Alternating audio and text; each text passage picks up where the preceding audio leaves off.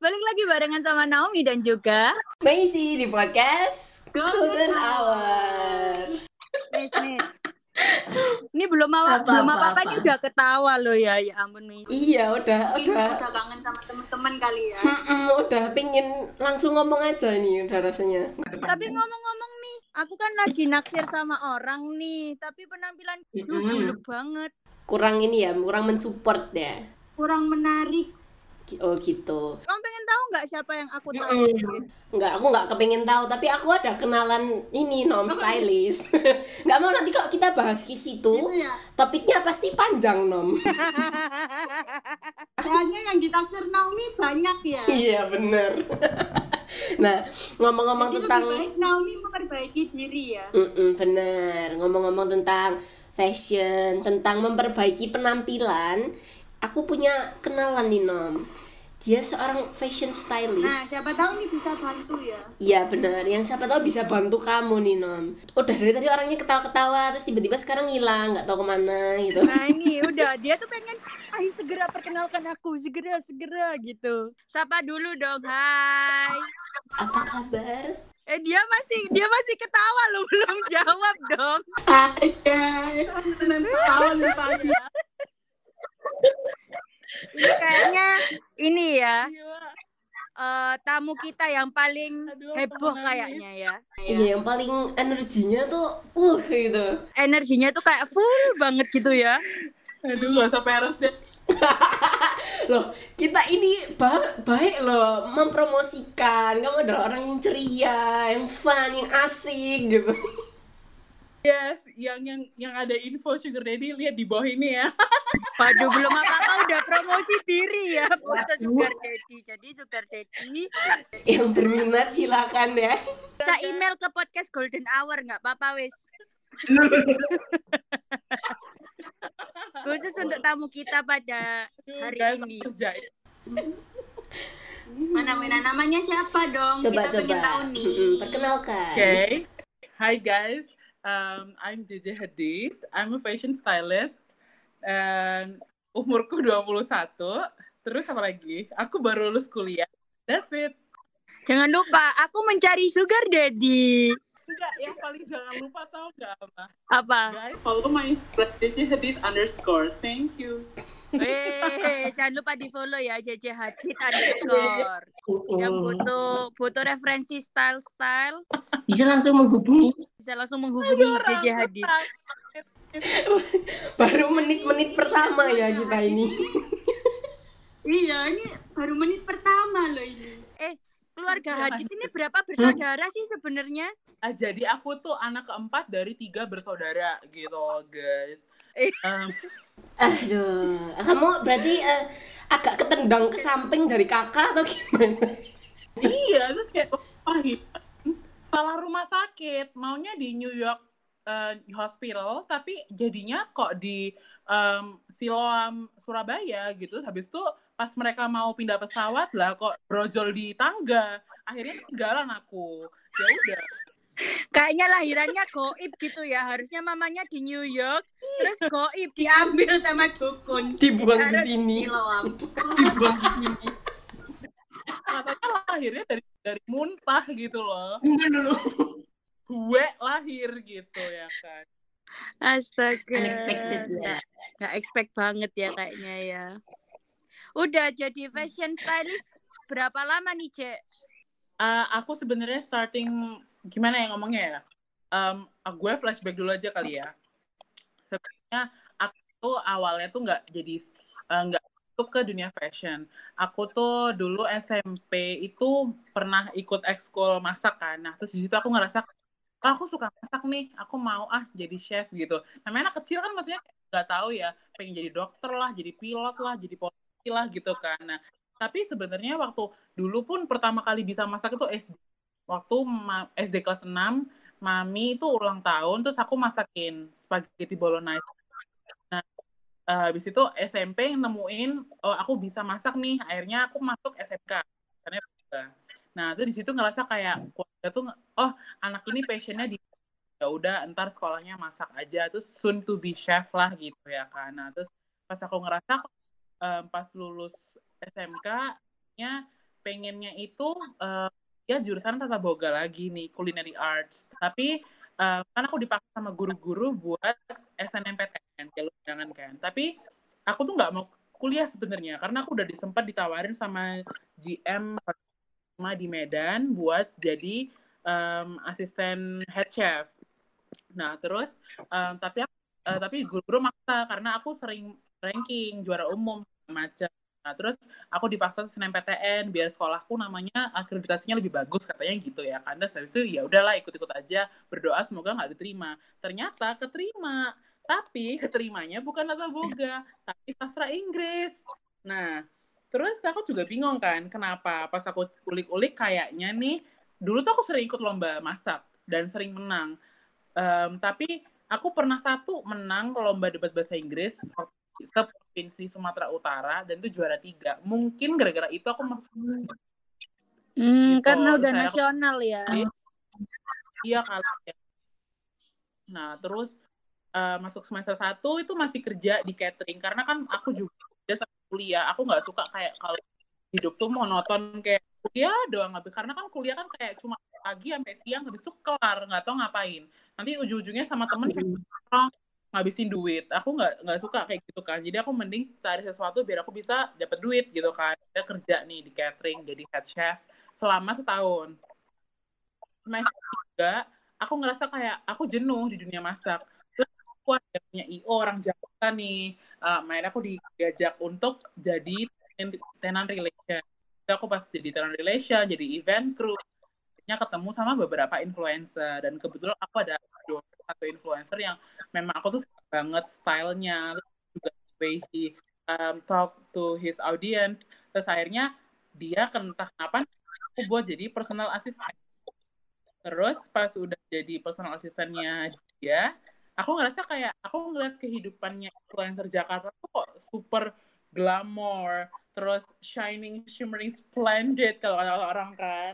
Terus um, aku akhirnya suka sama fashion. Pas sudah terjun ke situ eh kok enak ya? Nah terus balik ke Surabaya aku sering jadi asisten fotografer. Teman-temanku pada bilang eh jadi stylist aja. Kayaknya lo bisa deh gitu. Saya pikir oh iya juga ya. Kenapa enggak ya? Aku branding jadi stylist. Akhirnya pelan-pelan aku jadi stylist. Pertama kali aku dapat uh, brand yang gede yang paling berkesan portofolio pertama aku tuh waktu itu nge-stylingin satu local brand Surabaya lumayan gede juga lokal brandnya buat nge-styling campaign mereka. Dari situ aku mulai kelihatan di Surabaya tuh, oh ini anak loh gitu. Terus akhirnya um, aku memulai karya karirku sebagai stylist di tahun 2019 gitu. Panjang ya, ya ampun. Lumayan, lumayan. Jadi kita mempersingkat pertanyaan gitu ya. Ya udah ya berarti podcastnya sampai ya, sini aja karena kita udah kenal siapa Jeje. eh nggak gitu dong, nggak gitu dong. Dia udah susah-susah diajak collab loh ya. udah diakhirin gitu aja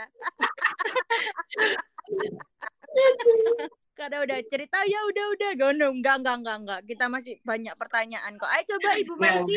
tapi aku penasaran aja kamu kalau tentang style uh, fashion fashion gitu kamu kiblotnya itu ke mana inspirasinya? I see. Um, aku personally suka sama uh, fashion uh, US U karena aku ngerasa kayak orang US itu fashionnya mau ke mana aja tuh bisa. Tuh kayak there's no limit untuk mereka ngelakuin sesuatu. Ketika gini deh, kayak misalnya um, Korea. Korea itu kan mungkin stylenya yang natural look, no make up make up look, terus habis itu um, yang mungkin street style gitu kan. Nah, tapi kalau itu semua ada, yeah. ada street style, ada ada masukin untuk Asian juga, ada seksinya, ada glamornya gitu. Aku ngerasa kayak kamu tuh nggak nggak peduli warna mau putih mau coklat mau gelap ini segala macam tetap, tetap um, pakai style apa aja tuh kamu bisa kelihatan cocok mereka udah confident dan aku ngerasa kayak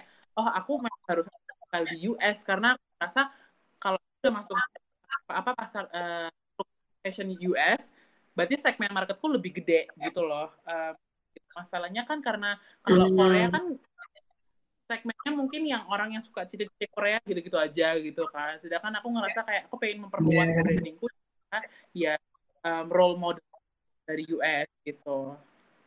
Karena orang US itu ini ya Oh. berani-berani ya dalam makeup ya. berani lebih kreatif gitu ya. ya lebih open lah stylenya Kasih satu Benar. nama J artis yang jadi kiblatmu. Oh wow, Yes. satu nama. Oke, you guys sudah tahu lah pasti. Oh. Nicki Minaj. Weh. Nicki Minaj. Kenapa kok Nicki Minaj? Ya. Kenapa? Cerita dong. Kenapa, kok Kenapa? Nicki Minaj? Orang tahu Nicki Minaj mungkin karena lagu Anaconda doang ya. Tahun 2011 tuh viral banget. Tapi aku tahu Nicki Minaj tuh dari tahun 2010 sejak keluarin lagu Starship. Eh, aku ngeliatin style dia. Eh, kalau orang melihat Lady Gaga dengan bajunya yang aneh-aneh, pakai baju daging lah apa segala macam, aku ngeliat ke Nicki. Karena aku ngerasa dia nggak punya limit untuk tuh dia nggak peduli kalau dia punya warna kulit yang gelap dia nggak peduli kalau um, dananya dia nyentrik. Yang penting aku itu entertaining gitu. Dan aku juga maksudnya kalau confident orang berarti masih suka sama penampilanku gitu. Dia embrace her beauty um, lewat fashion yang dia pakai. Jadi nggak kayak kepaksa untuk jadi cantik atau memang merasa pengen dilihat cantik enggak dan aku ngerasa kayak I adore her so- karena dia nggak pernah punya yang selalu itu itu aja. Lo ganti-ganti. Dan aku merasa kayak ya kita juga kalau memang tren ya pasti kita bakalan gitu terus akhirnya bosan dan orang bakal cepat ngelupain kita. Tapi ketika kita selalu berubah untuk ngikutin tren terus dengan um, buat tren trendsetter yang baru kita jadi orang merasa oh ini orang punya nilai plus yang lebih ya jadi banyak brand yang pasti ngelihat Nicki Minaj untuk ngajak kerjasama jadi aku ngerasa ini orang punya nilai lebih sih dari yang lain gitu Terus? Hmm, she's my mom. Ya, banyak banget BTW. cocok. Hmm. Cocok, cocok. Kamu jadi JJ Hadid apa JJ Minaj? Waduh. Kalau aku di Gemini, eh, bagian atas tuh digedein dikit kali ya, guys.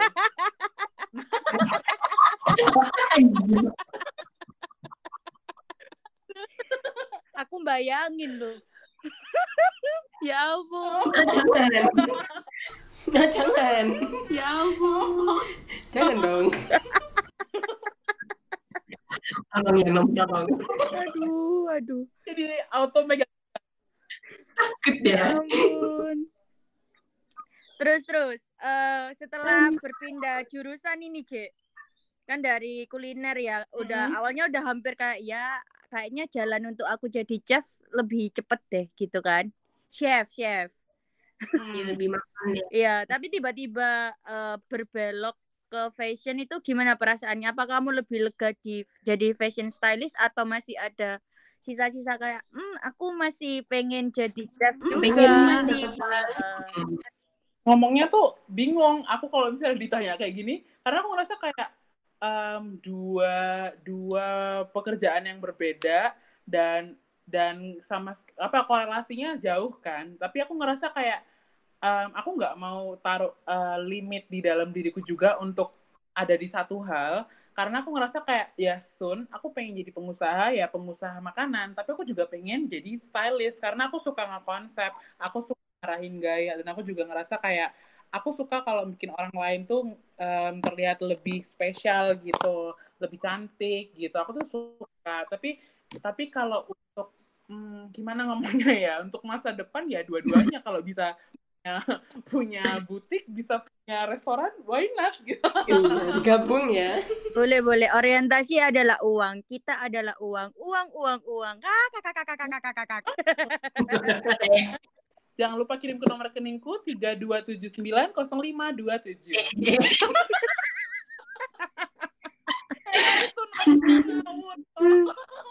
Lengkap loh. Jadi untuk sugar daddy yang memang merasa membutuhkan sugar apa? Sugar Daddy. sugar sugar baby sugar baby aku mau ngomong baby aja susah lo sampean jadi sugar daddy yang butuh sugar baby ini ada kirim di nomor rekening berapa? Kebanyak- astaga. Ngawur ngawur. Ini dibajak nomor. Ya, Omongan terbuka. Eh, Terus? selama ini eh, ngurusin apa namanya nge-style-nya tuh biasanya kliennya itu apa? Maksudnya segmentasinya orang-orangnya gimana? Untuk buat wedding kah? Atau untuk sweet seventeen kah atau gimana Dulu tuh sebenarnya aku nggak ada untuk ngomongin segmentasi ya, karena aku ngerasa kayak ya general aja. em, karena aku juga maksudnya mikirnya kuantitinya bakal lebih banyak ya gitu. Tapi makin ke sini aku juga karena udah masuk manajemen, eh, manajerku bilang untuk kamu harus mempersempit eh, segmenmu biar kuantitimu tuh lebih banyak lagi dan orang fok ngerasa kamu tuh fokus untuk di bidang itu gitu. Jadi aku sekarang lebih fokus ke personal styling, tapi spesifiknya lagi lebih ke pre-sweet 17. Jadi kayak kalau misalnya banyak meme-meme di luar sana yang mau sweet 17, datang ke aku ya. Tapi ngelihat hasil konsepannya Jojo di Instagram tuh keren-keren loh. Beneran. Kenapa ya dulu aku Sweet Seventeen nggak pernah kenal yang kayak gini gitu. Jadi kayak aku kepengen. jadi pengen sweet seventeen lagi ya Iya, kayak sayangnya sudah terlalu tua ya untuk itu. sudah enam tahun yang lalu ya lama banget tapi pengen sweet seventeen lagi nggak miss Kalau ada uangnya ya. ya boleh nih, ayo kita ke Aussie bareng-bareng foto sama kangguru.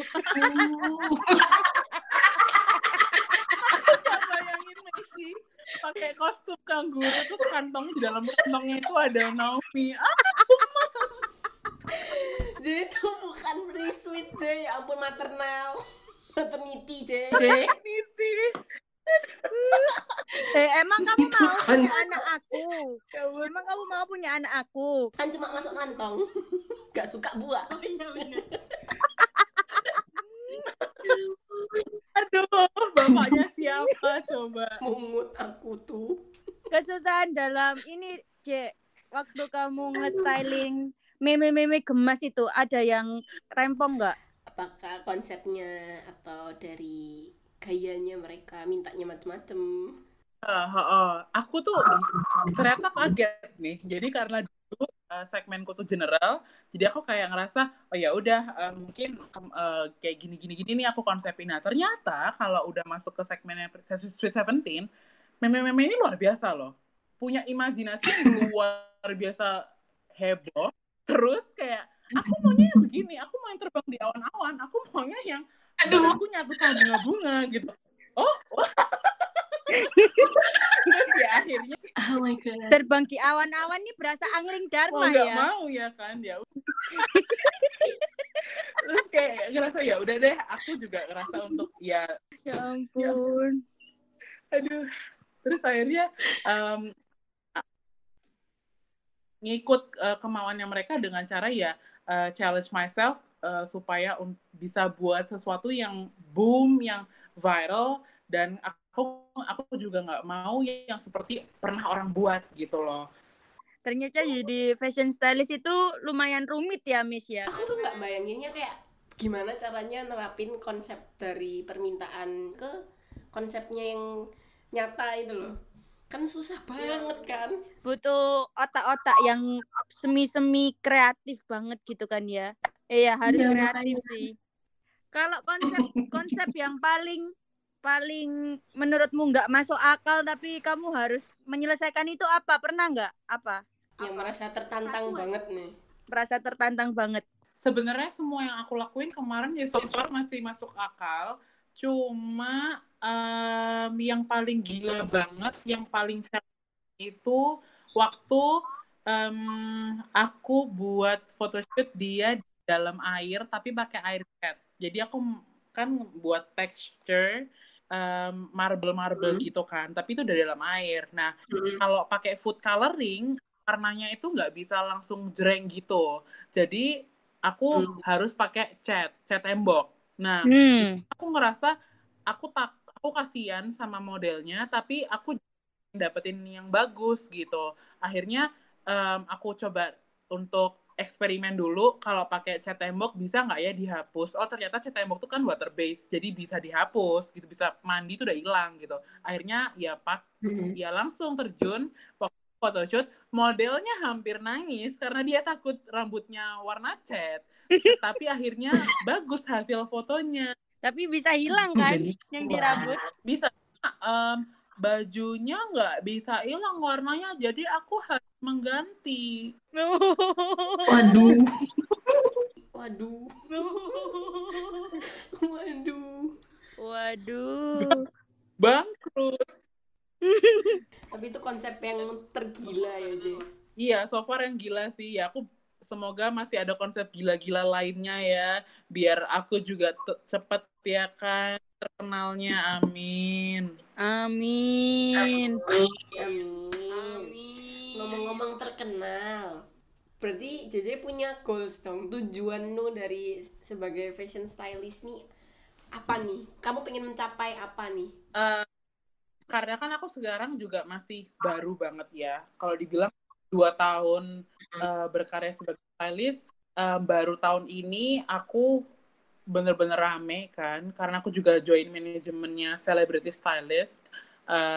Terus aku ngerasa kayak Mhm. ya karena sekarang pasarku masih di ya aku pengen bisa pasar untuk nasional. Aku bisa ke Jakarta nge-stylingin selebriti segala macam gitu. Tapi soon aku juga pengen go international. Kalau bisa ya at least bisa nge-stylingin model US ataupun ya em, sekitar Singapura pun nggak masalah gitu. Yang penting international dulu bisa masuk di kredit di satu majalah terkenal gitu. Jadi gimana ya kalau dibilang pengen terkenalnya tuh enggak terkenal itu nilai lebih cuma lebih ke aku pengen orang tuh bisa ngelihat bahwa pekerjaan kayak aku itu enggak enggak pekerjaan yang em, diremehin gitu karena personally aku juga punya beberapa orang yang ngerasa pekerjaanku tuh pekerjaan biasa doang lah cuma milihin baju selesai gitu padahal I'm more than that. Hmm, bener bener bener. Padahal fashion stylist itu susah banget. Tapi J, sebagai orang awam, karena aku nggak punya bayangan toh. Em, kamu bisa bekerja di atau go internasional atau go nasional tuh kayak apa? Kalau misalkan eh, beauty itu kan misalkan kayak Miss atau Putri Indonesia atau mungkin model kayak Asian Next Top Model kayak gitu kan.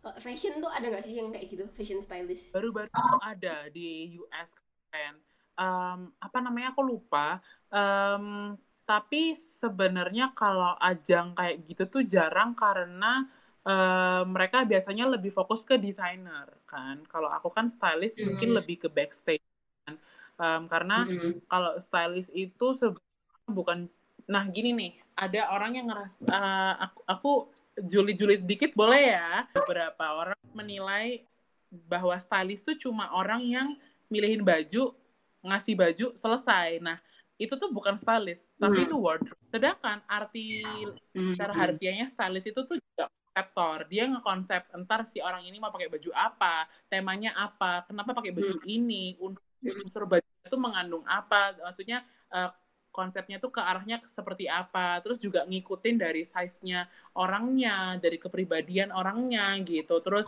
eh, memang pengen mau jadi akhirnya tuh seperti apa gitu. Jadi itu nggak cuma dari oh ini baju bagus kamu pakai ini bagus selesai enggak Wah boleh nih, Hmm. kayaknya aku mau di stylishin Cece. Cek biar aku menarik, biar Wah. banyak banyak yang nempel gimana Cek?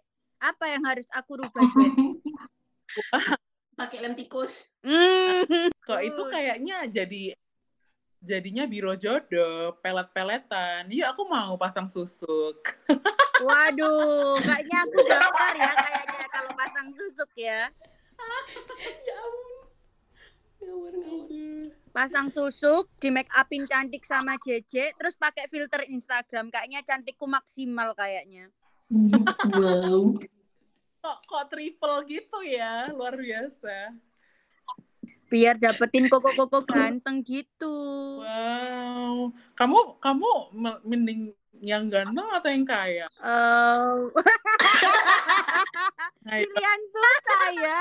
Pilihan susah ya. Kayaknya aku lagi juga daftar cari sugar daddy kayaknya. Karena hidup itu realistis.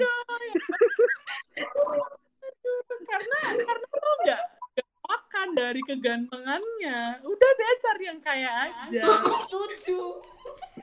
Mungkin nanti di, ya di podcast kita nanti ditulis. Jadi untuk sugar daddy di sini ada sugar baby tiga. Iya. ini podcast ke mana arahnya Terus tiba-tiba beneran tuh chat, halo ini yang di podcast ya gitu kan. mampu. takut deh Pokoknya jangan kirim ke WhatsApp keluarga ya. Nanti kejadian beneran loh. Terus Cek, kan eh, mungkin Hmm. sedikit ya yang agak sensitif gitu kan. Eh, kalau biasanya kan umumnya kalau masalah fashion atau style itu kan lebih punya stigma kalau yang biasa ngelakuin itu cewek. Sedangkan Cece sendiri Nah. kan kok gitu kan ya. Sempet ada eh, apa ya? Kontra dari orang-orang di sekitar Cece enggak? banyak banget. Dan itu juga um, timbul pro kontra di keluarga juga salah satunya. Karena um, maksudnya keluarga juga um, ya namanya kan papaku kan uh, ada darah Batak ya. Uh, Batak itu kan rata-rata tuh kan orang hukum orang politik gitu kan. Yang pekerjaan tuh serius-serius gitulah ekonomi gitu. Nah ketika aku masuk ke dunia masak mereka masih fine tapi ketika aku masuk ke dunia fashion banyak dari mereka yang ngerasa ini anak salah jalur sih, ini anak salah sih. Ini orang tuanya sih yang salah gitu. Jadi seakan-akan mereka nyalahin orang tuaku. Padahal this is my choice gitu kan. Tapi uh, bahkan sampai papaku juga sempet intervensi ke aku, nah um, kamu harusnya cari kerjanya tuh yang uh, full time, yang di kantor, yang convenience gitu. Nah, aku ngerasa kayak aku nggak mau diatur, Pak. Sudah cukup papa ngatur aku dari kecil sampai aku udah lulu, apa namanya SMA. Toh aku kuliah um, kalau apa namanya ke, um, bayar sendiri, aku biayain sendiri. Aku nggak mau diatur-atur lagi karena aku ngerasa kayak ya aku takut kalau aku kerja aku nggak pakai hati gitu. Jadi aku pengen nyari jati diriku juga toh tetap positif kok halnya aku gituin kan. Nah, tapi papaku kayak oh ya udah tapi sambil dicari-cari aja pekerjaan yang memang bisa nyanggupin um, kebutuhanmu gitu. Terus akhirnya ya sebenarnya awal-awal papaku tetap kayak maksa masih pengen kerja kantor aja terus. Tapi sekarang ketika aku styling terus gitu kan, terus um, sampai kayak malah kalau styling itu lebih capek dan nguras tenaga, nguras otak, nguras waktu juga. Karena misalnya pagi pulangnya malam, itu pagi lagi berangkat, pulang malam lagi gitu-gitu terus. Bahkan kan kalau bikin konsep untuk satu hari photoshoot itu nggak bisa sehari jadi kan. Harus mikirin konsepnya dulu, terus nanti aku mikirin vendor bajunya mau dipakai siapa, mikirin studionya di mana atau photoshootnya di mana, kalau outdoor atau indoor, konsep itu tuh lama, butuh waktu yang lama nggak bisa sebentar. Dan aku ngerasa kayak ya ini udah saatnya papa nggak bisa remehin pekerjaanku gitu. Akhirnya papaku sekarang udah mulai untuk pro gitu.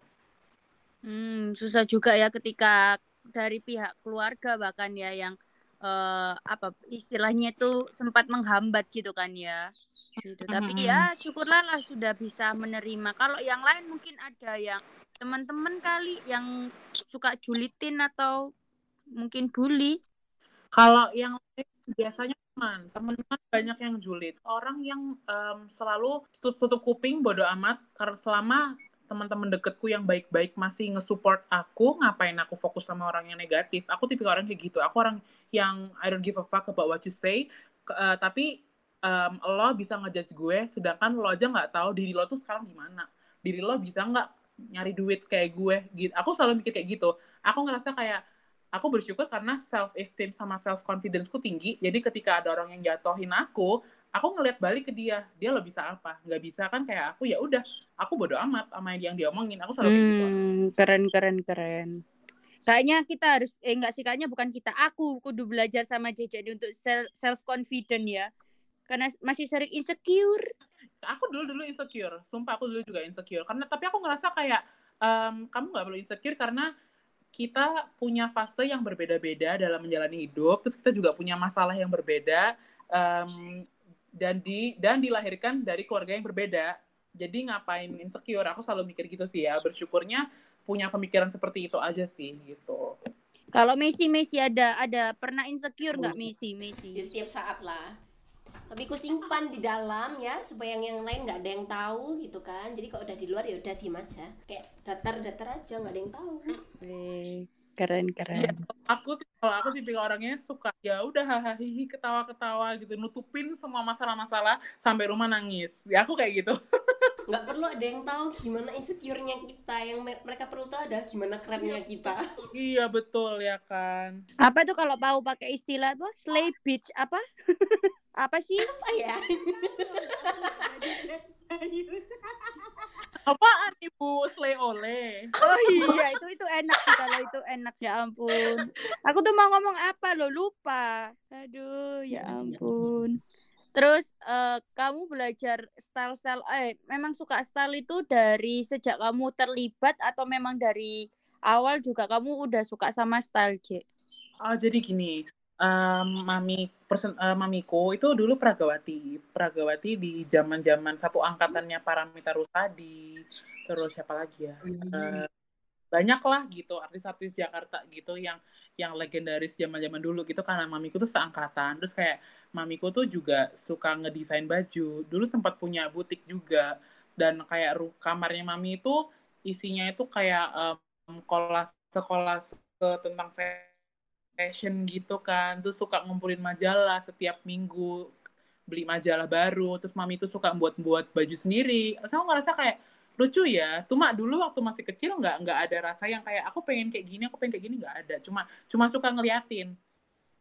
Tapi ketika udah gede aku juga dari dulu ke- dari kecil kan tontonannya Disney Channel terus Cartoon Network terus em, banyak banyak artis art, eh, Nickelodeon artis-artis yang bajunya fashionable. Ngerasa kayak kok stylenya mereka keren ya padahal tuh masih di zaman dulu gitu loh Em, aku malah dulu tuh obses banget sama Hannah Montana Hmm, Tahu nggak? Tahu dong.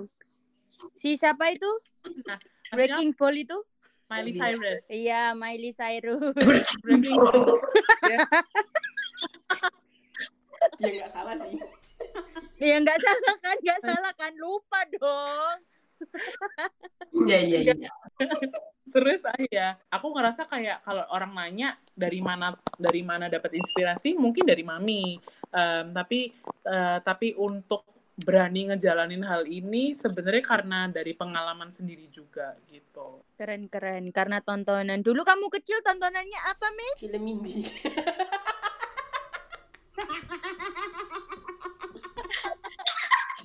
Style yang cocok apa? Buat Messi tuh kayak siapa? Siapa itu loh yang namanya kapur-kapur itu siapa? kamu nggak tahu Ada ada biasanya pasangannya Syahrul Khan itu loh. Siapa sih? Harus oh pasangannya baru. Khan. Bukan bukan kapur baru. Dulu, dulu waktu kecil soalnya nggak punya Disney Channel, nggak punya Nickelodeon, jadi nontonannya tuh dulu kan ini loh MNC kan namanya TPI kan itu kan isinya film India kan ya udah nontonnya itu oh iya aku tadi tahu kok aku juga nonton TPI itu nonton Iya. Ronaldo Wati nggak Non Ronaldo Wati Iya. ya ampun.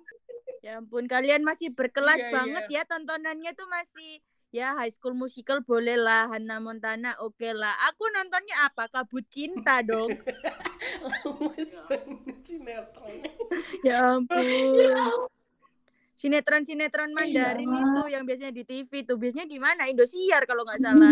biasa Indosiar Indosiar. Bener-bener. Bener-bener. Makanya aku juga pacaran gini ya karena itu kayaknya. Astaga, tontonan itu memang masih ya promo Iya bener. Tontonan tuh emang berpengaruh kok emang. Satu hal nih Cek yang eh, selama kamu jadi fashion stylist yang kamu apa ya apa ya istilahnya kayak ih kalau jadi fashion stylist itu ternyata kayak gini ya gitu. Mungkin biar bisa jadi gambaran buat teman-teman yang mau pengen mungkin ada keinginan untuk belajar jadi fashion stylist gitu kan ya. Karena mungkin setelah pandemi ini bakal akan Mhm. banyak orang yang bikin event kayaknya atau nggak tahu ya gimana menurut bener bener bener iya pasti banyak sih karena kan em, karena pandemi ini pasti banyak beberapa event yang dipospon tapi belum tahu posponnya sampai kapan gitu kan. Eh, apalagi io io terus em, yang acara wedding wedding perawat semua pasti dipospon kan. Nah itu kasihan banget sih jujur. Tapi ya aku tetap bersyukur walaupun dalam kayak gini em, Allah masih ngasih rezeki buat bisa em, making money kan. Em, tipsnya sih sebenarnya em, satu saling menghargai apa pun pekerjaan yang kalian punya apa pun pekerjaan yang kalian em, lagi taatin um, saling ngehargain aja karena dengan kalian saling hargain pasti orang lain juga bakalan um, menghargai apa yang kamu lakuin gitu. Nah, saat tipsnya untuk jadi stylist um, jangan hmm. pernah ngerasa kalau stylist itu cuma ngurusin baju. Iya itu ngurusin baju tapi garis besar ya.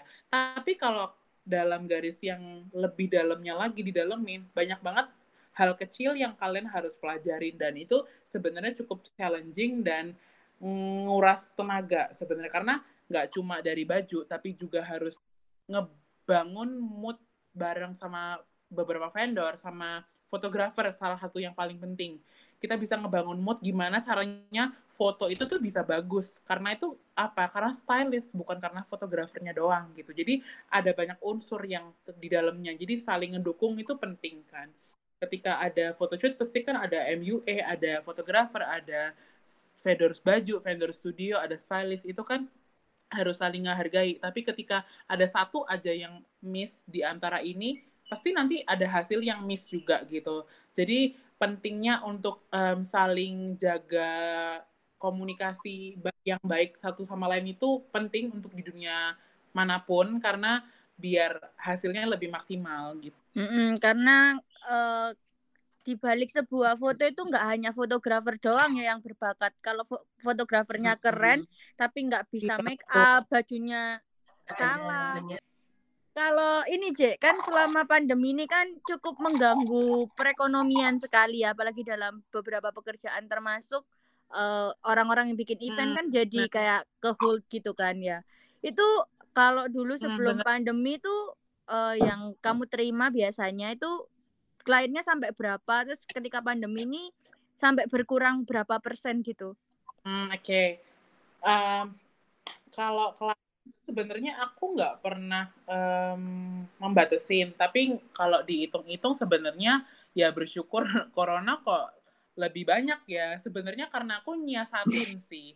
Jadi ketika um, orang-orang kan kalau mau foto klien biasa sebelum ke pandemi ini kan mungkin foto Sweet Seventeen atau segala macam itu kan ya um, kebutuhan yang kasarannya nggak semua orang butuh. Tapi ketika aku untuk banting setir buat promosi tapi nggak jatuhin harga dengan cara promosi foto sosmed aesthetics. Nah, um, ketika aku branding sosmed aesthetic itu, aku ada inspirasi dari influencer UX yang memang um, sosmednya itu brandingnya bagus gitu. Dan aku ngasih, aku buat jasa untuk brandingin Instagramnya orang yang memang bisa foto-foto, tapi tetap aman karena mungkin kita di private place atau di hotel ataupun di rumahnya dia juga bisa um, atau di kafe-kafe yang memang kita awalnya reserve duluan gitu. Jadi aku nggak uh, uh, gimana caranya untuk um, uh, tetap bisa making money tapi di waktu yang super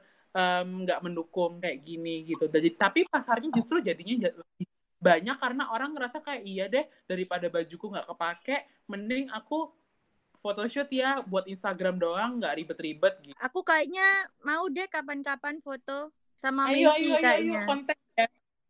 Nomor sama Messi di bio tapi. Instagram. Oh deh. Jadi Hadid under. Nanti itu pakai ya. konsep yang kamu ya. Iya, nah itu makanya sama Messi kan nunggu Messi pulang dulu bawa kanguru. Enggak, tapi kok kamu ngelihat aku nih cek ngelihat aku uh, konsep mm -hmm. maksudnya kira-kira kalau kak Naomi digini ini keren nih gitu ada nggak? Hmm, aku pernah waktu ketemu sama Kak Naomi, aku tahu Kak Naomi itu stylenya tuh preppy, um, terus ya nerdy look, bukan nerd yang negatif ya, maksudnya kayak yang ke arah kasarnya kakak ya stylenya mm, daily, um, terus Loh. ya kemeja, kaos, simple, clean gitu.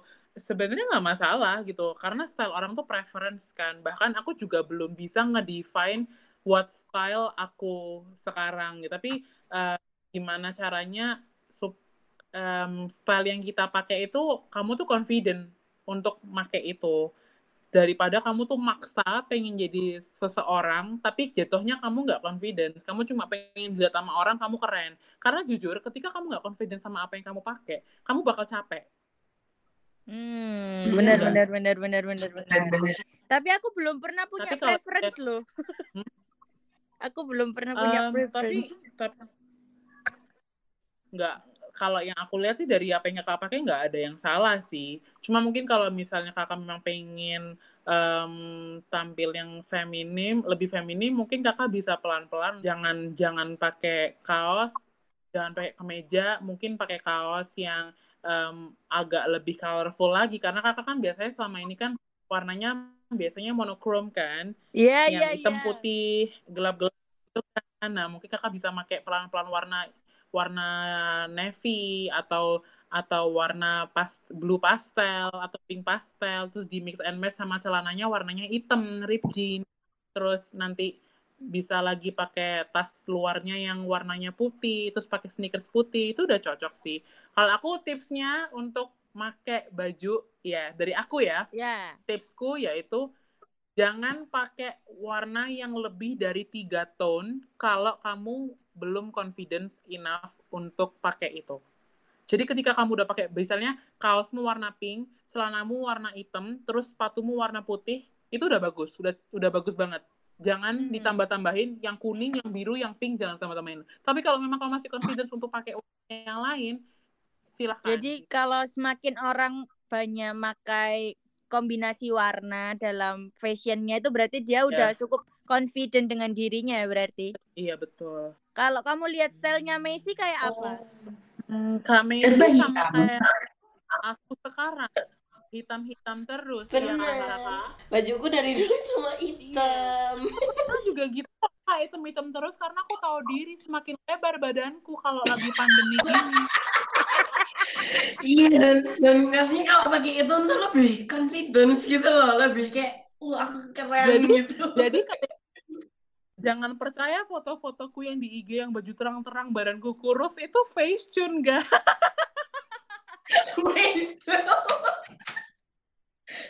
Terima Aduh. kasih untuk Bapak fotografer mengambil angle yang tepat. iya bener. Tapi iya aku lihat stylenya orang-orang di sini pun ya, aku tuh cukup kaget, cukup shock. Karena benar-benar tabrak warna, tabrak pattern. mungkin confidence Apalagi aku bayangin pakai coat nggak mungkin. ampun aku pakai coat bisa kayak Olaf badanku oh nggak kayak Santa Claus kayak Kalau kamu sendiri Jack lebih seneng style yang kayak apa untuk untuk kamu sendiri? Untuk aku sendiri dulu aku suka style yang street style em, karena aku ngerasa kayak ya lucu ya. Tapi karena aku sekarang semakin ke sini semakin memikirkan bentuk badanku yang seperti Nyonya Puff ini, jadi aku nggak berani ya pakai baju yang aneh-aneh ya. Aku berusaha untuk pakai udahlah yang yang sedang-sedang udahlah ya J, udahlah ya. Bukan kau yang mau stylish tapi klien kau ya. Udah gitu aja. Outfit yang paling kamu suka ketika kamu keluar gitu apa biasa? aku suka, suka ngebanyakin untuk punya outer yang oversize karena ketika aku udah punya outer aku bisa mix and match sama baju yang warna apa pun. Misalnya outerku warnanya biru kuning pink eh, merah hijau gitu kan. Aku tinggal dalamnya pakai warna hitam-hitam atas bawah atau putih-putih atas bawah atau putih sama celana jeans terus pakein outer selesai gitu jadi lebih gampang tapi tetap kelihatan stylish gitu Hmm, berbanyak outer ya berarti. Jadi tips juga ya buat kita dan semua yang mendengarkan. Iya, buat kalian yang badannya non seperti aku, pakai oversize outer, jadi menutupi nyonya puffnya gitu. Nyonya Pam. Mungkin sebelum kita semakin lama dan semakin kisru, mungkin kita terima kasih ya, Je, Aha. untuk mau di Sudah meluangkan waktu meluangkan dan tenaga. setelah seharian kerja tapi masih nyempet. Terima kasih juga. Mungkin kamu mau promo Terima Instagrammu kasih juga udah lagi. diundang. Oh iya guys, jangan lupa Instagramku di @jjhadid underscore. Follow ya guys, nanti aku follow back kok, karena aku bukan selebriti. Tenang aja. Oh, mantap. Jadi yang mau kepo-kepo tentang style atau mungkin mau tanya-tanya, eh Kak rekomen fashion gitu bisa langsung DM. Nanti kita bikin udah, kalau kalian seneng nanti kita bikin part 2, part 3 sampai 7 nggak apa-apa Kak Part tersanjung ya ya. Luar biasa. Betul. Cinta Fitri ya Kak season 7 sampai. Iya. Oke, sampai ketemu di podcast Golden Hour berikutnya. Bye. Naomi pamit. Messi pamit. JJ pamit juga. Bye bye. JJ juga pamit. Bye. Bye.